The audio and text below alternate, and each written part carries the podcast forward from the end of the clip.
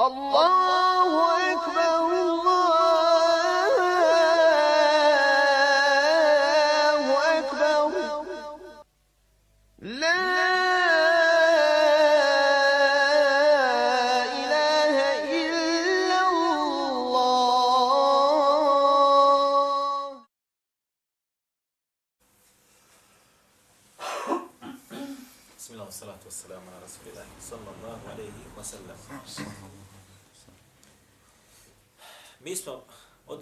Nekoliko predavanja po pitanju hadijske nauke. Je li tako? Devet. Devet ciklusa. Devet. I na kraju je ispalo da je to tematika koja je nama teška, je li tako? Je li tako ili nije tako? Yes.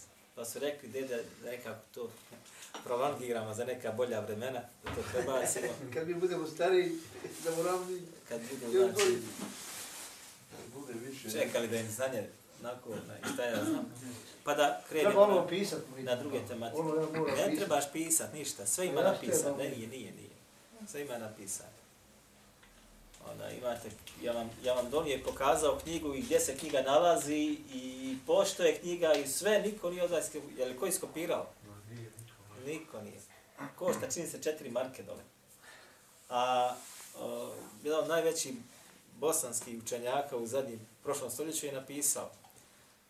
Onaj, Voma je korisna sigurno. Ja je nisam čitao, govori o kuranskim znanostima i govori o hadijskim znanostima. Međutim, man džede vađeda, ko se potrudi naći, kako kažu Arapi, ko uloži trud, isto ko kod nas kaže, što si poži, posijao, to ćeš i Bože. požni.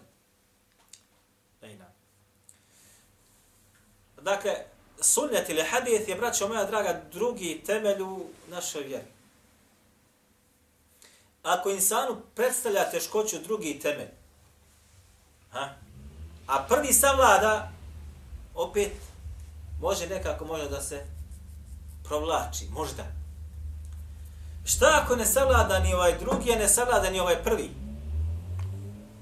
Šta onda? Onda je potpuni belaj. Zašto? Zato što je čitava vjera sa zidana ili bazirana na ova dva temelja. Sazidana, bazirana na Kur'anu i na sunnetu ili hadithu Allahu poslanika sallallahu alaihi wa sallam. Pa ako insanu predstavlja teškoću ova tematika koju smo obrađivali devet subota, čini mi se, i to smo samo površno obradili, i nismo se dotakli osim takozvane abecede, onda možda uliva sebi nadu, možda će nam se otvoriti sa Kur'anom. Je tako? A šta ako padne i na kur'ansko znanstvenom polju, što bi se moglo da kaže, i da sahat ta'biru, ako je ispravan izraz, gotovo je da. Većina muslimana danas, nažalost, od običnog svijeta, od običnog svijeta, ne poznaje ove dvije tematike Ne poznaje ove dvije tematike.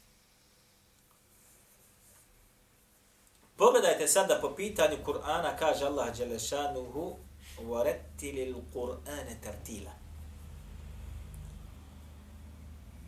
I ti, Muhammede, uči Kur'an kako? Tertila. Šta znači ovo tertila? Da li neko od vas ima znanje o ovome? Lagan. S razumijevanjem. Jednako. S razumijevanjem. Razgovjetno. Dat svakom harfu njegovom mjestu u tom. Dat svakom harfu njegovo mjesto. Ono su. Pravilno, ili tako? Pravilno. Sve ovo što ste naveli ima svoje mjesto. Da ga učiš lijepo. Da ga pokušaš učiti sa najljepšim glasom koji možeš da imaš. Kako kaže Allah poslanik sa osrmu hadithu koji bilježi imam Bukhari, men lem yataganna bil Qur'ani farejsa minna. Ko se kaže ne bude trudio da uljepša glas prilikom učenja Kur'ana, nama ne pripada. Ovo je jedan od komentarisanja ovoga haditha. Drugi komentar ovog haditha kod islamskih učenjaka jeste ko se ne bude potrudio da Kur'an uči razgovjetno, ispravno, dajući mi svaki harf koji mu pripada, ne pripada nama. Shodno ovome ajetu kojeg smo naveli, وَرَتِّلِ الْقُرْآنَ تَرْتِيلَ Ovdje Allah naređuje Allahume poslaniku sallallahu alaihi sallam da mora učiti Kur'an jasno, razgovjetno, lijepo i da svakome slovu dadne njegovo mjesto i svakome pravilu dadne njegovo pravo. Ovaj imperativ ovdje važi samo za poslanika alaihi sallatu wasalam ili za sve muslimane? Za sve muslimane. Zato vi imate sada u dijelima koja se tiču ulumul Kur'ana ili kur'anskih znanosti, ja sam donio ovdje vama dva da vam pokažem. Imate tamo između tematika koja obrađuju, između ostaloga se kaže naredba koja se u ajetu, znači obuhvata sve, dolazi u množini. Da li važi samo za množinu ili važi također za pojedinca? Ako važi za množinu, važi također i za pojedinca. Naredba koja se tiče samo jednoga, poput ovoga ajeta, da li važi samo za jednoga ili važi za čitav umet? Osim onoga što dođe da Allah Đelešanu samo striktno nešto zabrani ili naredi, samo Allahu me poslaniku sallallahu alaihi wa sallam. Osim. Zato ovaj ajet ovdje šta? Opće prirode, znači svaki musliman ulazi pod njegovu naredbu. Svaki musliman. Imam El-Džezari, jedan od najvećih eksperata i stručnjaka po pitanju kiraeta, učenja Kur'ana, je između ostaloga napisao u stihovima, znači te kirajete, i u svojoj mukaddimi on ili uvodnom dijelu, ja sam to napisao na tabi, evo sad kad sam stigao, a, gdje kaže, wal ahdu bit teđvidi, pogledajte, i kaže, učenje po teđvidu je hatmun lazimun obaveza. Men lem yuđevbidi l'Qur'ane athimun. A onaj kaže, ko ne bude učio Kur'an po teđvidu, jeste šta? Ima sevab ili nagradu ili ima ism grije? Ima kao one ta, takave, kaže, grešnik i griješan.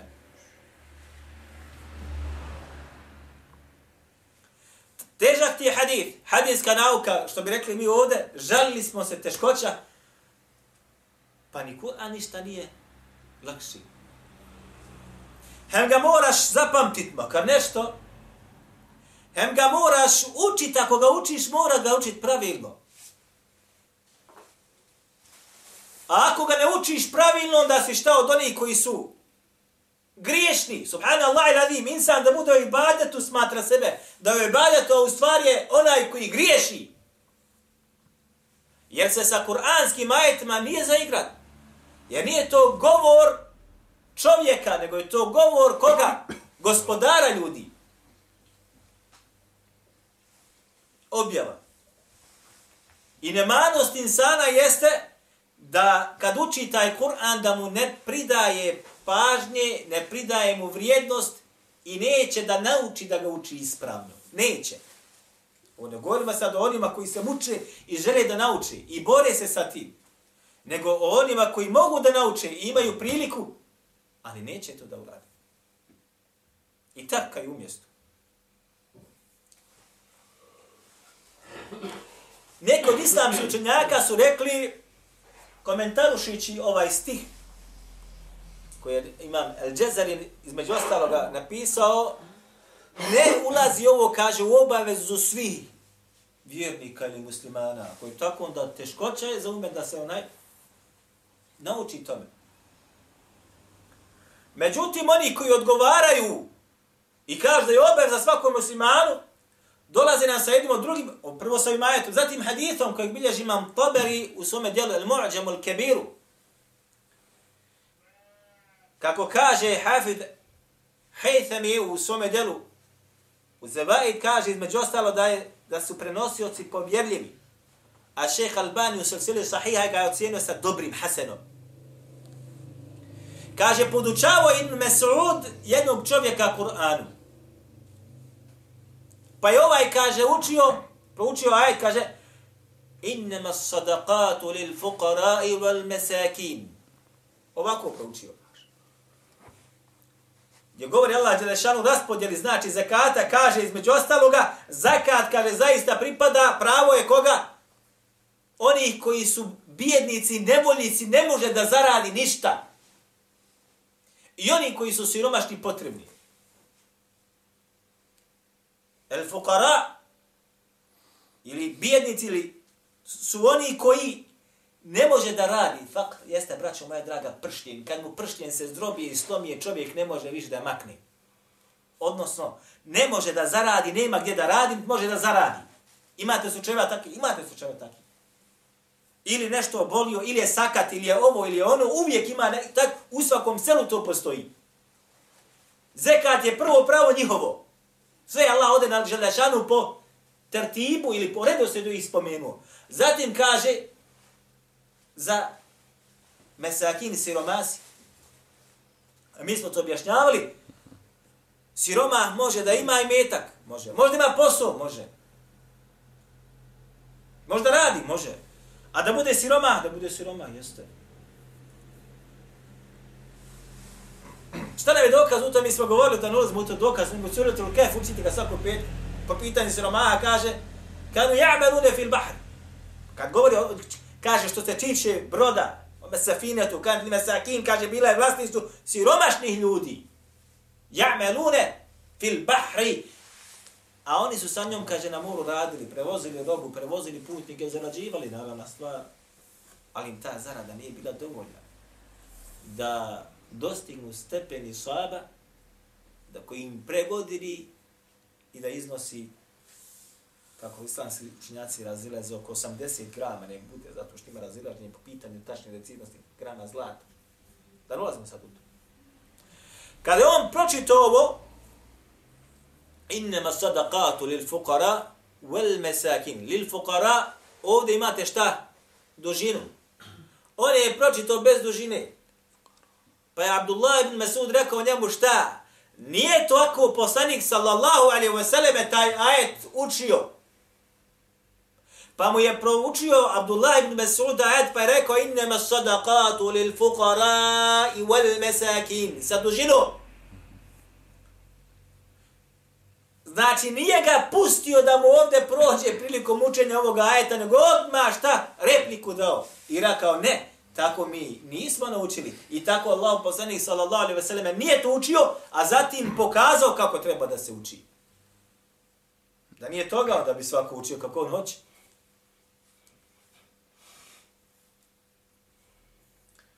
U prvom vremenu, braćo Islama, teđvid ili teđvidska pravila, pravilno učenje Kur'ana, mislite da je bila nauka posebna kao danas?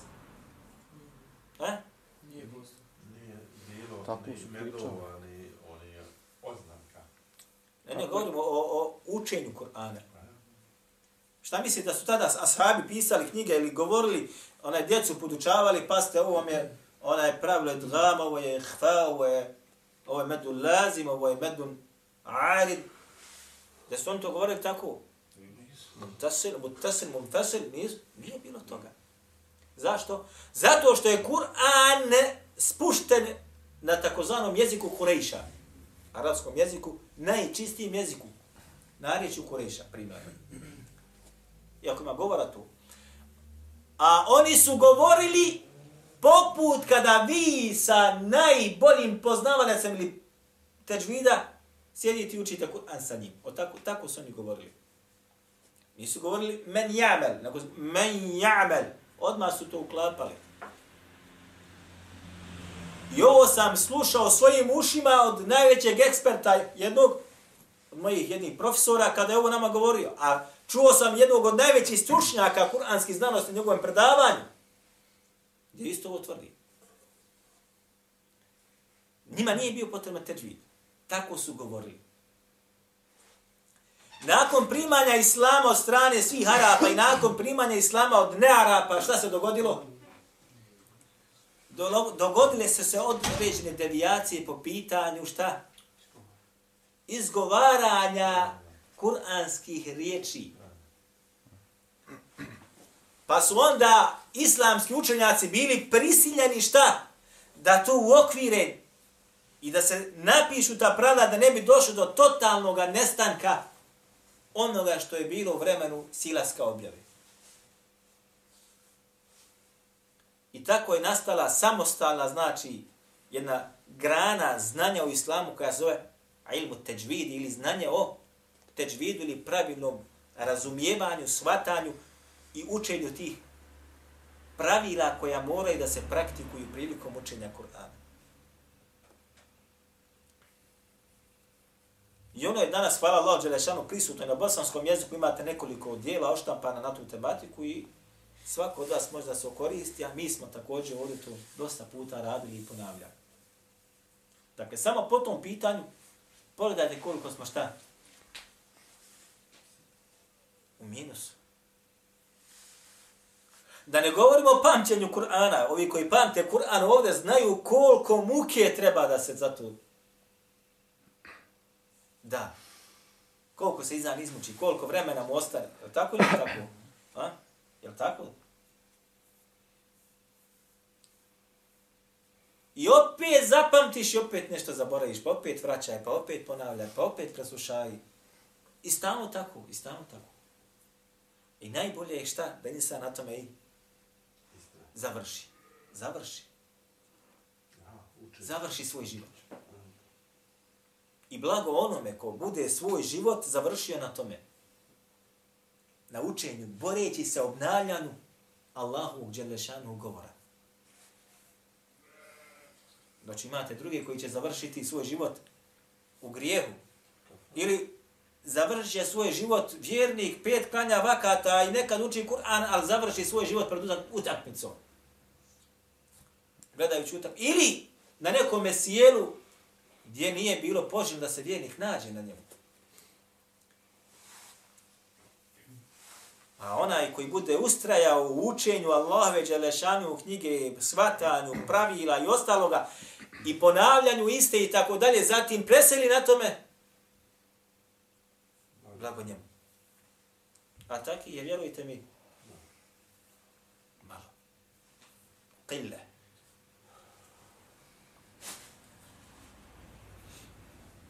Insani kada zapamti Allahu Đelešanu u knjigu, ha? Hajde da zapamtiš knjigu Allahu subhanahu Mislite da ste riješili probleme sad? Mislite da ste riješili probleme znanja o Kur'anu i toga? Tekste, što bi rekli mi sad, ušli u jedno polje gdje sve manje i manje sad znate. I tek tad vidite koliko u stvari ne znate. zapamtiti Allahu Đelešanu knjigu jeste jedno. Zapamtiti je jedno. A shvatiti njeno značenje je šta? Drugo. Shvatiti propise u ajetima je šta opet? Treći. Shvatiti značenje određenih riječi je opet četvrtu. Shvatiti gramatička pravila koja se unutra nalazi je opet petu svatiti pravi onaj šarf takozvani i šta i opet šesto svatiti belagu koja se nalazi u Kur'anu i tako dalje opet. A sve su to islamski učenjaci braćo razradili u ovoj grani znanja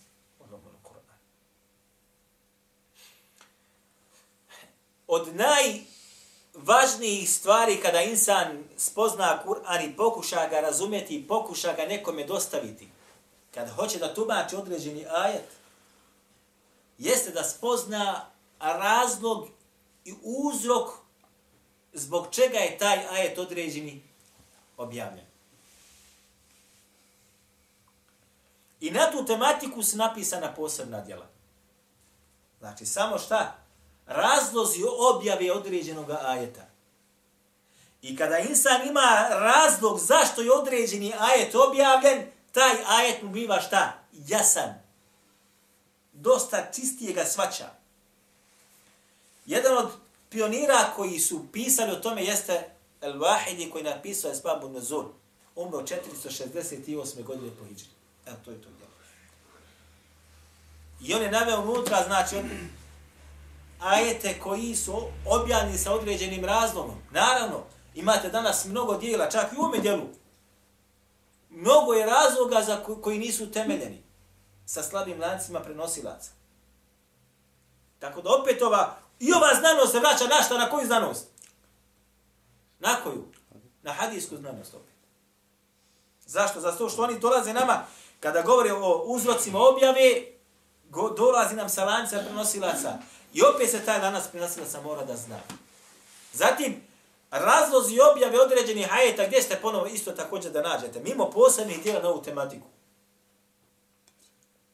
Tefsir. Naćete u hadithima, naćete u tefsirima. U hadithima kod svih gotovo muhaditha u svojim knjigama i u tefsirima ćete naći kod onih mufesira koji dolaze nama sa lancima u svojim tefsirima, a to je šta ko? Mam Taberi. Dalje.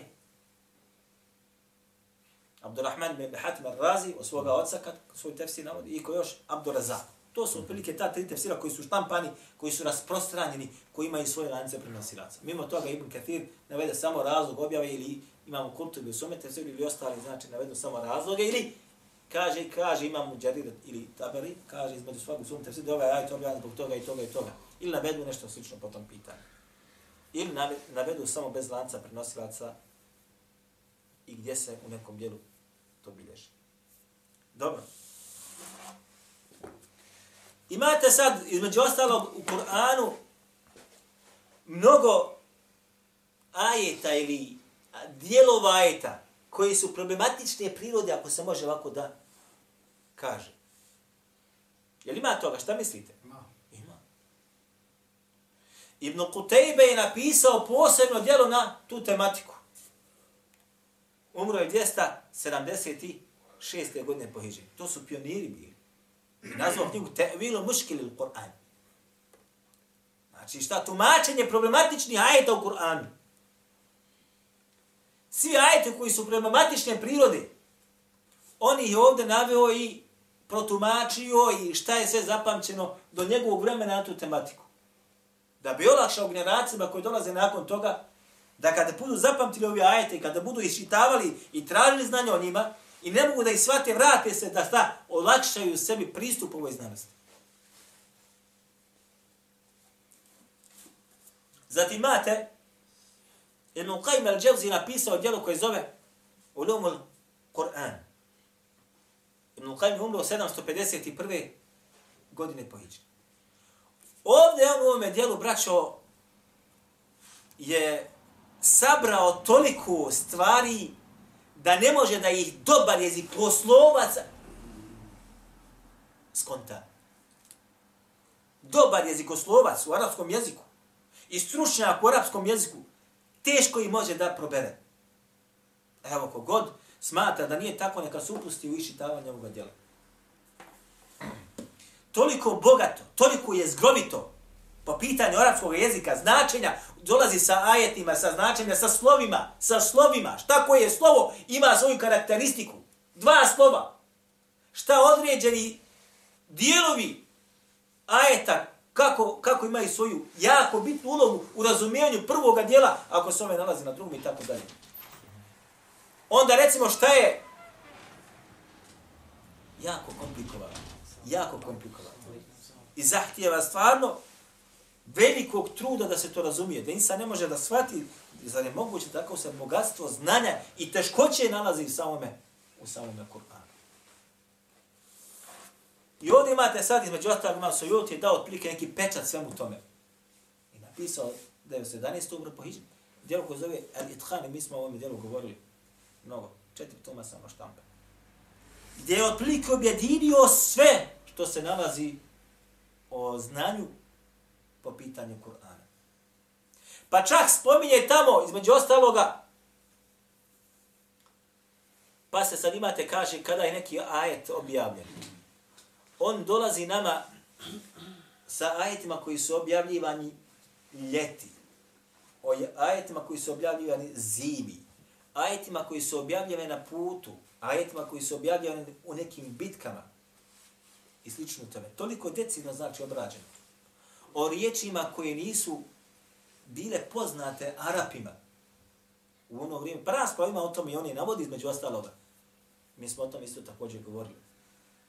Isto također govori o vezicima, govori znači o riječima, o slovima Da bi se znači šta?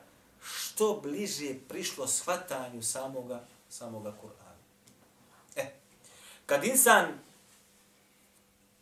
što bi rekli mi, uspije da savlada dio ovoga znanja, dio ovoga znanja o Kur'anu i dio znanja onog o kome smo govorili, oni ne, koliko naših predavanja o hadithu, tek tada uspijeva da se upušta ili smije se upustiti u naučna istraživanja po pitanju kuranskih znanosti i po pitanju hadijskih znanosti.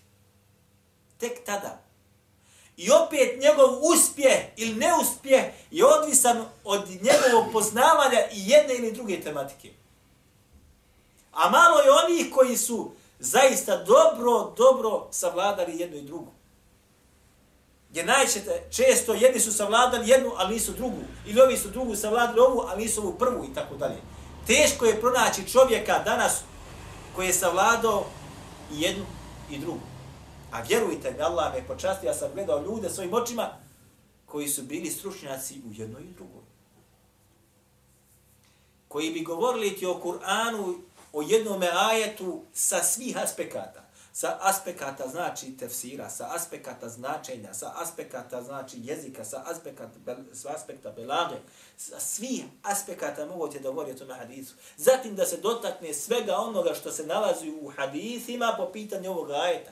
Gdje je spomenut u određenom hadijskom djelu, kako je ga protumačio određeni onaj ashab, kako je protumačio određeni ga mufesir. Ali ti ljudi je, braćo, zaista, zaista malo. I šta je najbolnije, takvi ljudi čak u arapskom svijetu nemaju položaj. Eto, vjerujem. Takvi ljudi u arapskom svijetu čak nemaju položaj. Jeste tako mi Allah. Ja znam za... Govorio sam za ljude koji su mi se kleli i znali govoriti da poznaju Kur'an kao Fatihu. Mislim da su oni bili muftije. Mislim da su bili rejsovi, rejsuleme i tako dalje. Mislite da su bili na određenim položajem visokim? Imali su doktorske disertacije za sebe? Ne, nisu bili braća. Bili su u društvu neopaženi. Niti se neko osjećao na njih. A njegovu vrijednost su samo znali oni koji to znanje šta traži.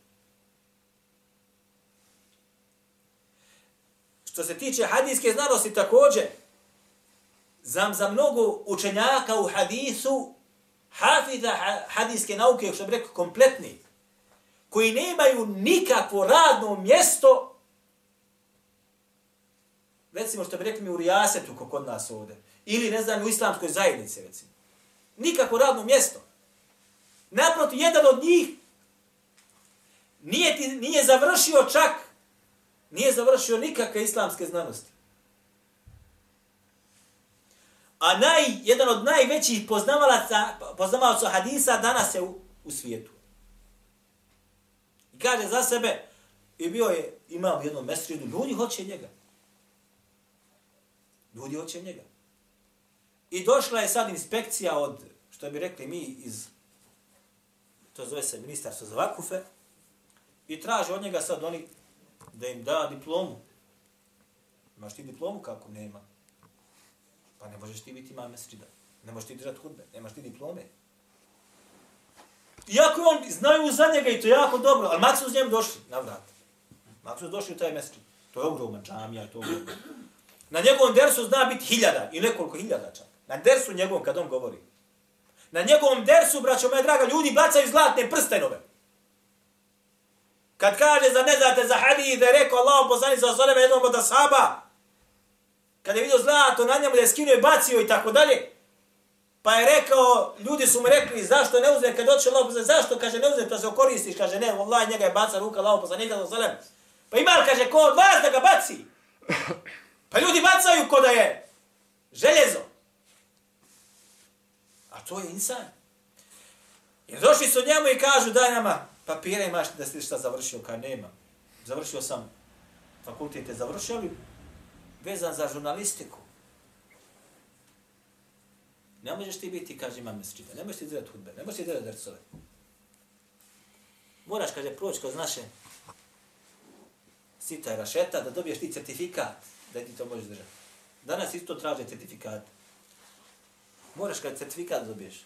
Kakav certifikat? Kaže, to imamo mi ležnu, imamo mi tam komisiju koja izdaje certifikate ako ti budeš prošao to. Moraš proći u Kur'anu, moraš proći u fiqhu, moraš proći u hadithu, moraš proći u on.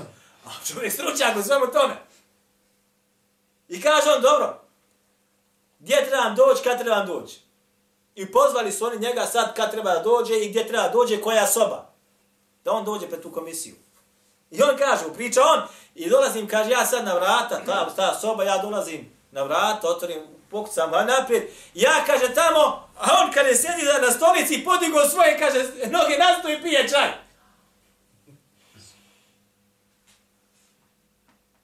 Assalamu alaikum, salam, ja, a ti staj, ta, hajde vam. I kaže, on mene ispituje, a on je za ispitivanja. Hajde, ispito ga, ispi, sve što ga pita, odgovorio, sve što ga pita, odgovorio. Čovjek je kompjuter. Jel dobio certifikat? Svaka na čast. Nikad ga nije dobio. Kod Allaha jest. Što bi rekli mi, ako se može tako da kaže hađija, ako se smije reći tako.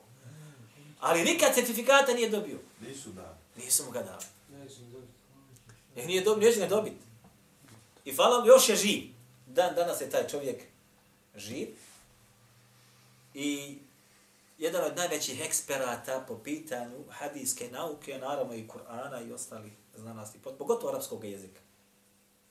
Ja sam pričao, braće, jedan puta, onaj, da je od svojih jednih predavanja tumačio hadith Ebu Dhar, poznati hadith od Aisha radijallahu anha, kada je govorila Aisha radijallahu anha, kada su sastale žene, pa su svaka od njih govorila svoga muža i tako dalje. Poznata hadith je taj jako dugačak.